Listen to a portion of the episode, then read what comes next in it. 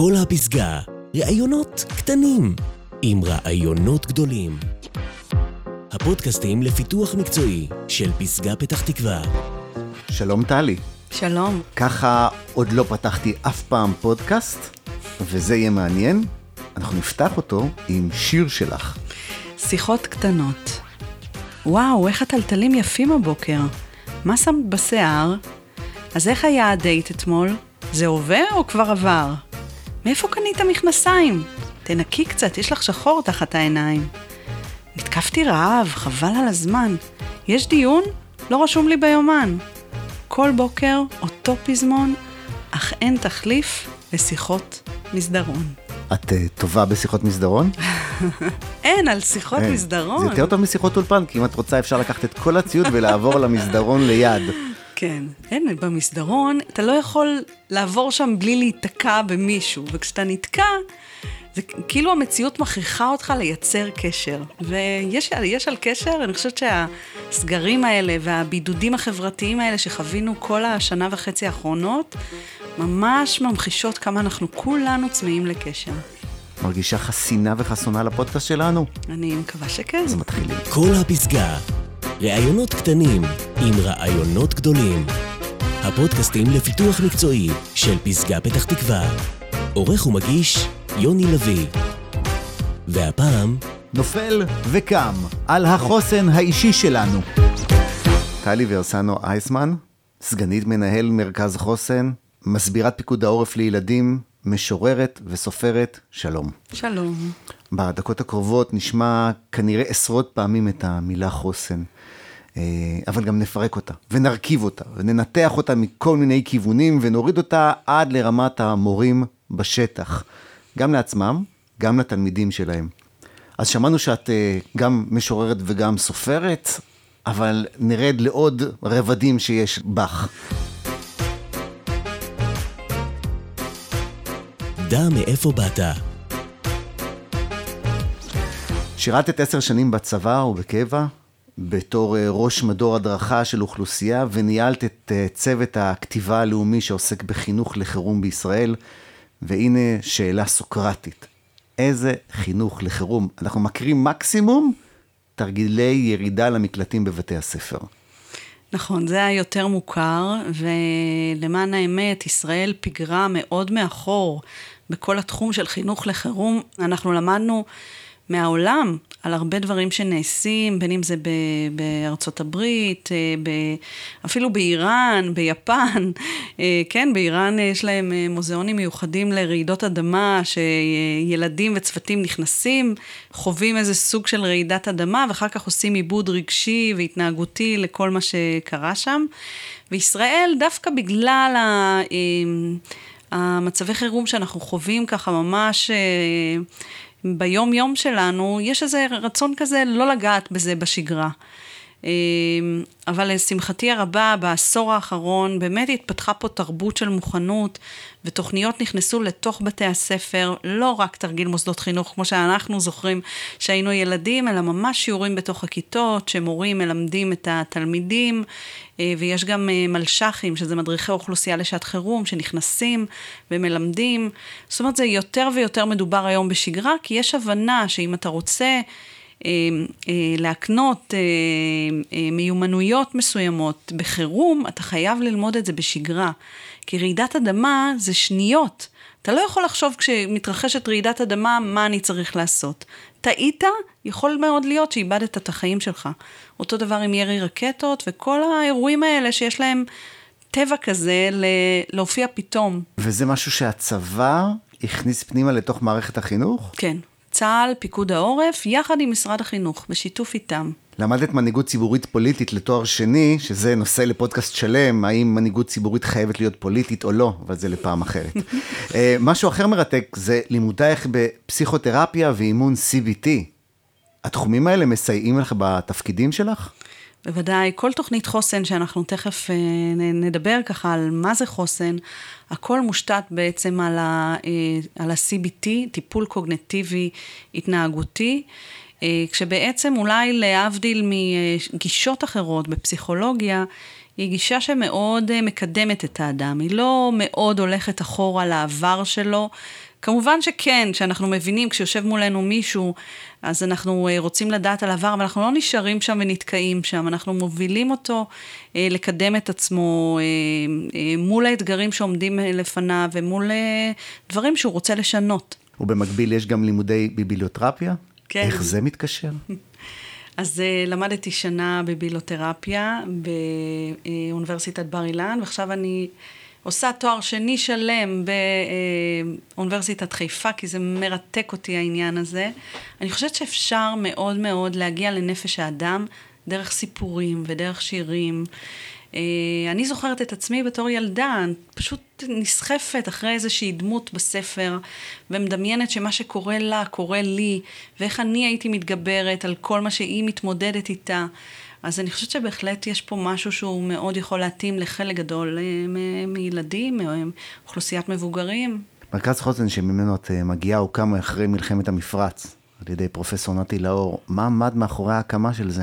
מה שעמד מאחורי ההקמה זה הרצון לפתח וליישם תוכניות להתמודדות עם מצבי לחץ וחירום, לסייע לרשויות להיערך בכל ההיבטים. אנחנו הבנו מול איזה אתגרים אנחנו ניצבים. אנחנו ראינו ברשות, ממש עוד אז, היא לבנת היסוד להתמודדות, לא משרדי ממשלה ולא אה, אה, אחרים, אלא ממש הרשות עצמה. אמ, ולשם פעלנו. ייסדנו תוכנית שנקראת חוסן העיר ב-18 רשויות ברחבי הארץ, וגם היום אנחנו פועלים אה, בכיוון הזה של לתת חוסן בכל מיני מוסדות, ארגונים וכולי. באותה תקופה את עוד כנערה, ועם ישראל בחדרים האטומים עם מסקנטייפ על הדלת. את, אפשר להגיד, מגלה את החוסן העצמי שלך, שממנו צמחת להמשך. נכון, זה היה ממש אה, אירוע מכונן מבחינתי, מלחמת המפרץ. אה, אני זוכרת, אה, אני בת עם שלושה אחים, אני השנייה במספר, אבא ואימא. אימא שלי ככה, בדרך התמודדות שלה, אני זוכרת אותה ממש עם מטפחת וספר תהילים. אבא שלי היה, זיכרונו לברכה, היה חרדתי, הרבה פעמים ככה ניגש לשירותים. האח הגדול שהיה לפני צבא, אה, גם היה יחסית ככה חרד מהמצב, ושני אחים קטנים, ואני. ואני זו שהייתי אחראית לשים את הסמרטוט הרטוב מתחת לדלת. אתה יודע, גם היום אנחנו אומרים שנורא חשוב לתת לילדים תפקידים. אה, אה, כדי שהם ירגישו תחושה של שליטה, כדי שלא ירגישו שהכל נכפה עליהם, אלא שיש להם משהו קטן שהם יכולים לעשות, וזה היה התפקיד שלי. וכן, אני זוכרת את עצמי מאוד חזקה בחדר הזה. כיום קצינת אה, מילואים בזמן חירום ומשברים, את מגיעה לפיקוד העורף, מסבירה לילדים באמצעי התקשורת, את מוצאת את עצמך חושבת בהסברה על טלי הילדה עם מסכת האב"ח והמשפחה שלה? אני כל הזמן חוזרת לשם. כל הזמן, אני, אני פוגשת ילדים, אה, הייתי בצוק איתן, אה, גויסתי למעלה מ-60 יום, הייתי עם ילדים במקלטים. כל הזמן חוזרת לטלי הזו ולמה שהיא הרגישה, ואני זוכרת, כמו שאמרתי קודם, גם את הכוחות האלה. ואני מנסה, כשאני נפגשת איתם, להזכיר גם להם את הכוחות שלהם בתוך, ה, בתוך האירועים הלא פשוטים האלו. בתקופה הזאת שלנו, כדי להגיע לציבור הלקוחות הצעיר הזה, לא מספיקה טלוויזיה. אנחנו צריכים לגעת במדיה חדשה, אינסטגרם, טלגרם, טיק טוק. אתם נוגעים במקומות האלו? פיקוד העורף, אה, יש אה, ענף הסברה לאוכלוסייה, ובאמת הוא השכיל ולמד איך להגיע ולפצח את כל הדרכים להגיע לנוער ולילדים. וכן, מה אני אגיד לך, אני עשיתי מילואים עם קופיקו, אה, עשיתי פודקאסטים גם עם חבר'ה נוער מפורסמים שמככבים בסדרות של הנוער והילדים, ו... וכן, זה, אלה, אלה הדרכים להגיע אליהם. נפרק עכשיו את המילה הכל כך פשוטה, אבל מכילה מרכיבים רבים, את המילה חוסן. תמונת מצב אדם בעל חוסן נפשי הוא אדם שמסוגל להתאים את עצמו לנסיבות החיים. חוסן נפשי הוא התיידדות עם הפחד והיכולת שלנו לחזור במהירות אל. המצב השכלי, הרגשי שהיינו בו לפני המשבר, להתאושש ממכה, לקום על הרגליים, נחום תקום. יפה הגדרת. אז תראה כמה מילים היית צריך כדי להגדיר מילה אחת. נכון. שנדמה שאנחנו אוחזים בה, שאנחנו מבינים, כשאנחנו אומרים, יש לו חוסן, נדמה שאנחנו מבינים, אבל יחסית זה מושג די חדש, שבאמת יש לו הרבה מאוד uh, המשגות. Uh, גם אם תכתוב רזיליאנס באנגלית, אתה תראה לא מעט uh, המשגות למונח הזה. אנחנו במרכז חוסן מגדירים חוסן כהיכולת שלנו אה, לנהל את עצמנו מבפנים, כשבחוץ לא קורה מה שאנחנו מצפים שיקרה. זה היבט אחד של, אה, של החוסן, וכמובן כשאנחנו פוגשים אה, באירוע משברי כזה או אחר, אז היכולת שלנו גם להתאושש ממנו במהרה, אותה גמישות הזו שמדברת, אותו רזיליאנס, ואפילו לגדול ממנו ולצמוח ממנו. אז אה, זה כשאנחנו מדברים על חוסן, אנחנו מחזיקים את שני ההיבטים האלה. זאת אומרת, איך אני מנהל את עצמי מבפנים, שזה עולם שלם, כן? מה זה, מה זה הבפנים הזה? מה, מה יש שם? אז יש לנו את הפיזיולוגיה של הגוף, פתאום הלב דופק מאוד מאוד מהר, הנשימה שטחית ומהירה, אה, השרירים אולי דרוכים ודפוסים, אז זה הפן הפיזיולוגי. המחשבות שלנו מתרוצצות, אין לנו שליטה עליהן, נכון? והרבה פעמים הן מגיעות עם uh, סימן קריאה, למשל, אף פעם זה לא ייגמר, לעולם אני לא אצליח, אז, אז איך אנחנו מנהלים את העולם המחשבתי הזה uh, שלנו? הנושא של הרגש, הרגש הלא נעים שמופיע, עצב, פחד, תסכול, כולנו הרי uh, נפגשים ברגשות האלה, והרגשות האלה הם מאוד לא נעימים. שים לב שאני לא אומרת רגשות שליליים, כי אין דבר כזה רגש לא טוב, לכל רגש יש תפקיד. אה, אז גם אם הרגש הוא לא נעים, אז אנחנו אה, נאפשר לו להיות. כמובן ניתן כלים איך להיות עם רגש לא נעים, כי זה באמת לא נעים להיות עם הרגש הזה, אבל כן, נעצור רגע ונשאל מה הוא בא להגיד לי, אותו רגש. אה, והדבר הנוסף זה הנושא של הקשב בתוך העולם הפנימי הזה שתיארתי. הנושא של הקשב אמ, לכולנו יש בעיות לא פתורות, נכון? אני בטוחה שגם אתה עכשיו מולי, יש לך איזה 20 בעיות לא פתורות לפחות. אמ, השאלה איך אנחנו מרחיבים את הקשב הזה.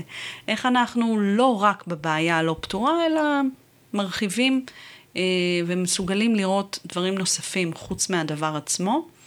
אמ, וכל זה כמובן מתורגם גם לקשר שלנו עם הזולת. זאת אומרת, זה העולם הפנימי, הפיזיולוגי, הקוגנטיבי, הרגשי, הקשב, ואיך כל זה מתורגם גם לראות את האחר, להקשיב לאחר, לגלות אמפתיה, חמלה וכולי וכולי. טוב, אז למרות שאנחנו הולכים בהמשך להתעכב על כל אחד מההיבטים האלו, אני קצת התבלבלתי, כי המילה חוסן בשורש שלה זה חטא סמך נון, זה כמו חיסון.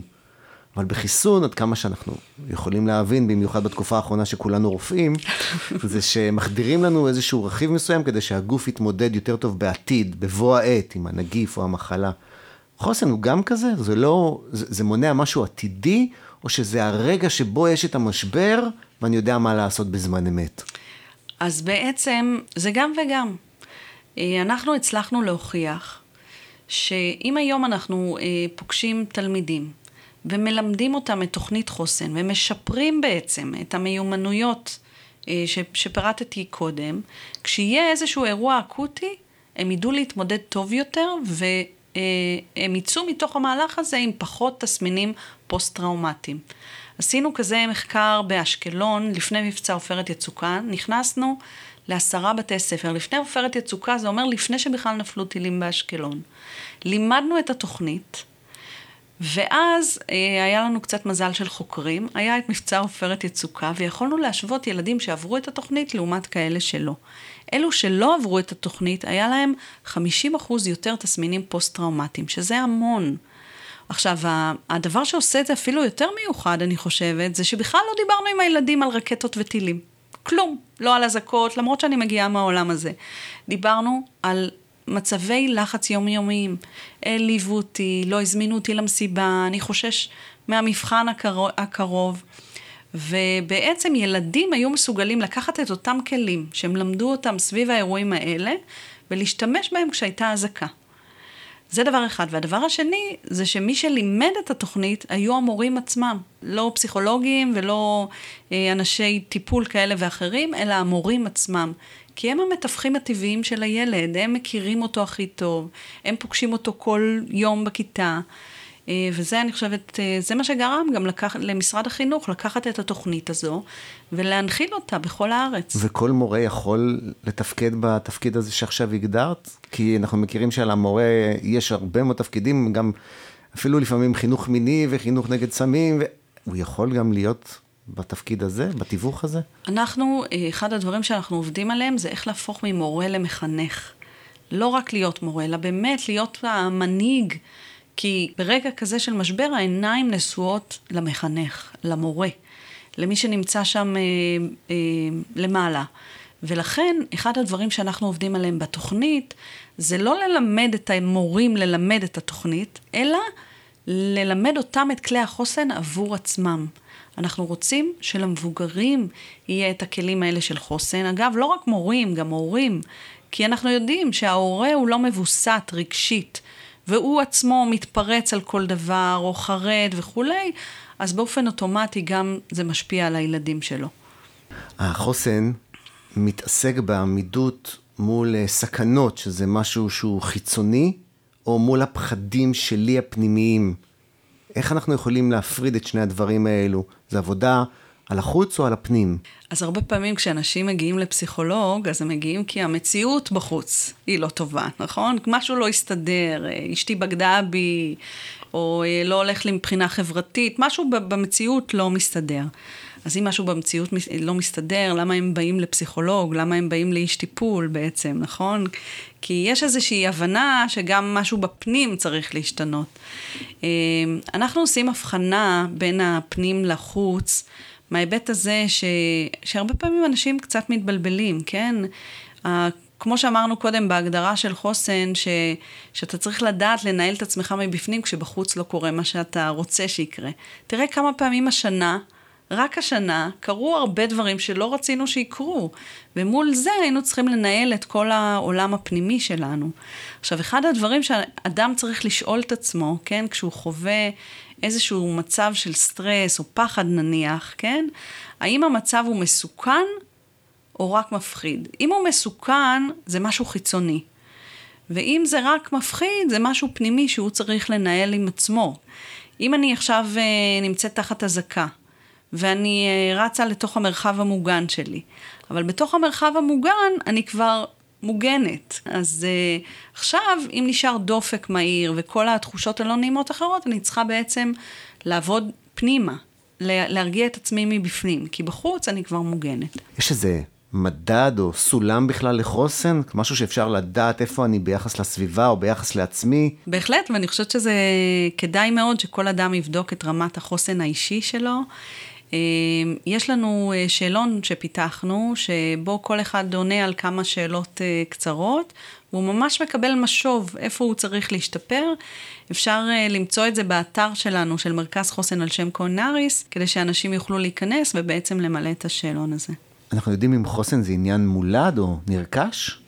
אז זה גם וגם, כן. זה, זה גם מולד, אנחנו רואים כבר uh, על תינוקות uh, מאוד צעירים, שיש מזג שונה לילדים שונים, ויכולת התמודדות כזו או אחרת, אבל אנחנו בהחלט יכולים להגיד שזה גם נרכש. זה בדיוק אותו מחקר שציינתי קודם באשקלון. Uh, ראינו שככל שאתה לומד יותר את הכלים ומתרגל אותם, אתה מגיע הרבה יותר חסין לאירועים משבריים. אז זה גם וגם. בלימודים לחוסן ובהתמודדות, יש הבדלים בין בנים לבנות? אז נתון אחד שהוא מאוד מעניין אצלנו, אותו מחקר שסיפרתי לך, לך עליו קודם, אה, זה שמי שהשתפר בעיקר, באופן מובהק, אה, זה הבנים ולא הבנות. אחת המחשבות אה, זה שאולי בנים יותר זקוקים לכלים מהסוג הזה. אנחנו הבנות רגילות לשתף. שאגב, אחד מכלי החוסן זה היכולת לשתף ולדבר על מה שקורה, ובנים קצת פחות. נכנסנו לכיתה, לכיתה ח' ושאלנו את הילדים ככה, רצינו לעשות מעין קבוצת מיקוד, מה עבד טוב ומה פחות טוב.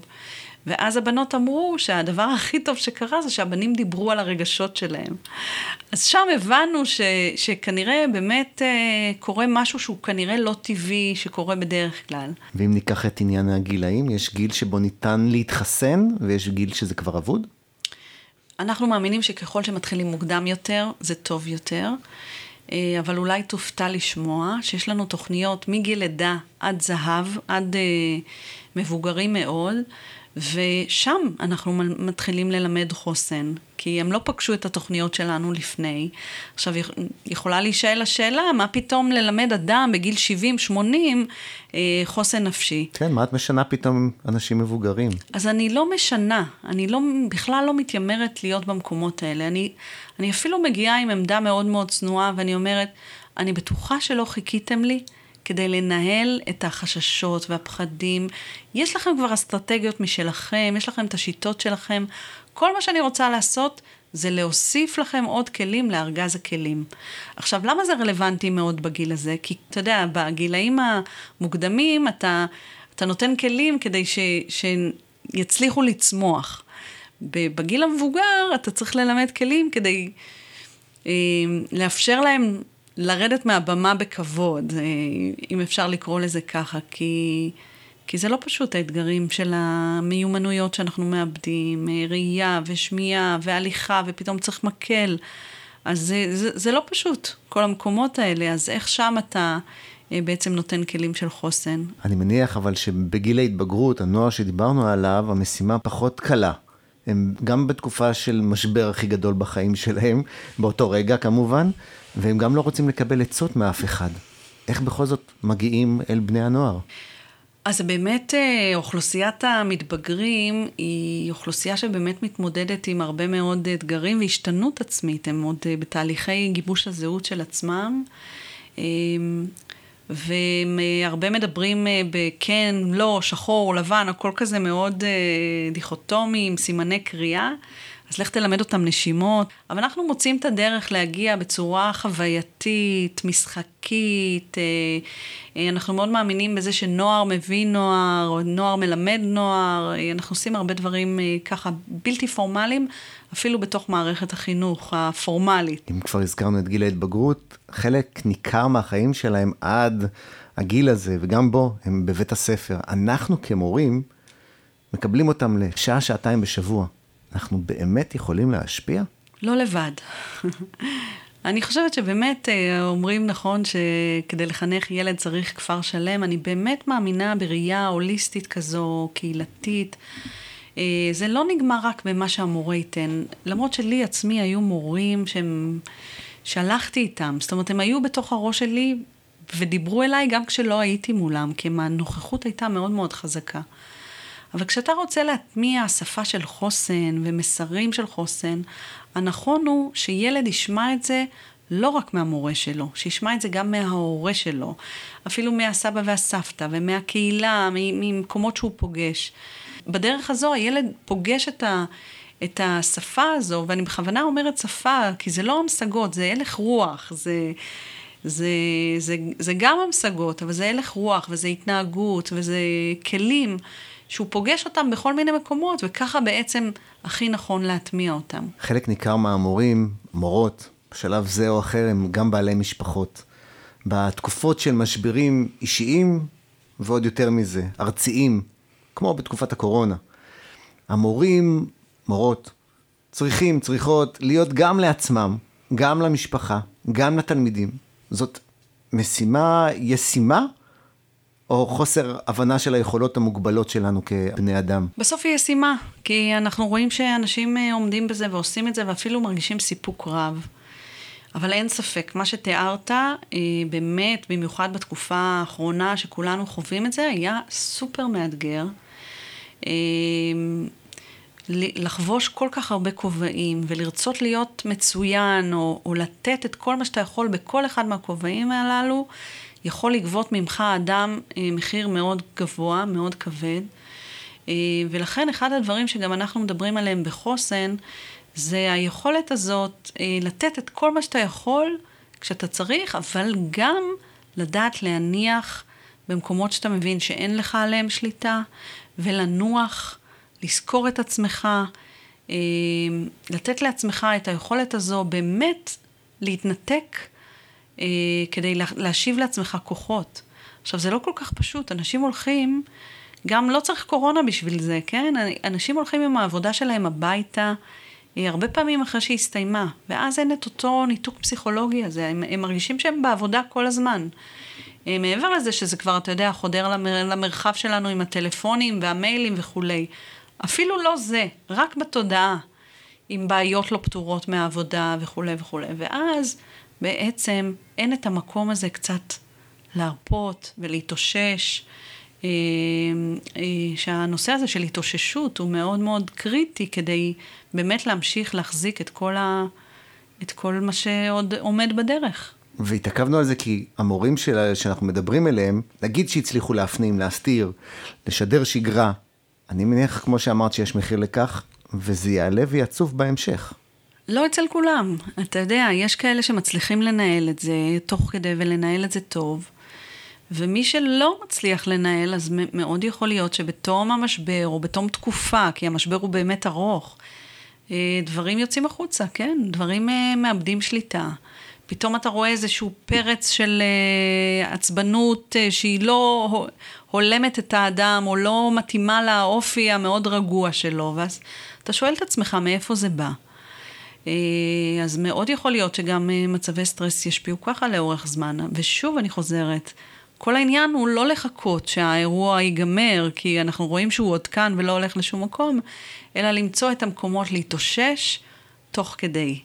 אנחנו בחוסן קוראים לזה כוס הקפה הטובה שלי. מתי אני נפגשת עם עצמי לכוס הקפה הטובה? זה יכול להיות כוס קפה, ממש, זה יכול להיות כל דבר שמפגיש את עצמי עם עצמי. זה יכול להיות אה, הליכה, אה, זה יכול להיות איזה ספר טוב, איזה סדרה כזו שאני לא צריכה לחשוב על שום דבר. כל דבר כזה שהוא באמת מאפשר לי להוריד, אה, להוריד את רמת הסטרס, המתח, להפגיש את עצמי עם עצמי ולהתמלא כוחות, הוא מאוד חשוב. לסיום החלק הזה, פרומו מהסוג הטוב ביותר שנוכל להביא לכם לפרק הבא, אמרנו מחיר למצב שבו היינו. כדאי לדעת שגם אם על פני השטח התלמידים חזרו לשגרה, בפנים הלבה בוערת וההר עוד התפרץ. עד כאן החלק הראשון של הפודקאסט על חוסן נפשי. בפודקאסט הבא, שאותו אתם חייבים לעצמכם, נביא דרכי מניעה שיטות לימוד אישיות ותרגילים לסיוע לחוסן שלכם, של משפחתכם, וכמובן התלמידים שלכם. תודה בינתיים, טלי ורסנו אייסמן, סגנית מנהל מרכז חוסן, מסבירת פיקוד העורף לילדים, משוררת וסופרת. תודה לך. כל הפסגה, ראיונות קטנים עם רעיונות גדולים. הפודקאסטים לפיתוח מקצועי של פסגה פתח תקווה.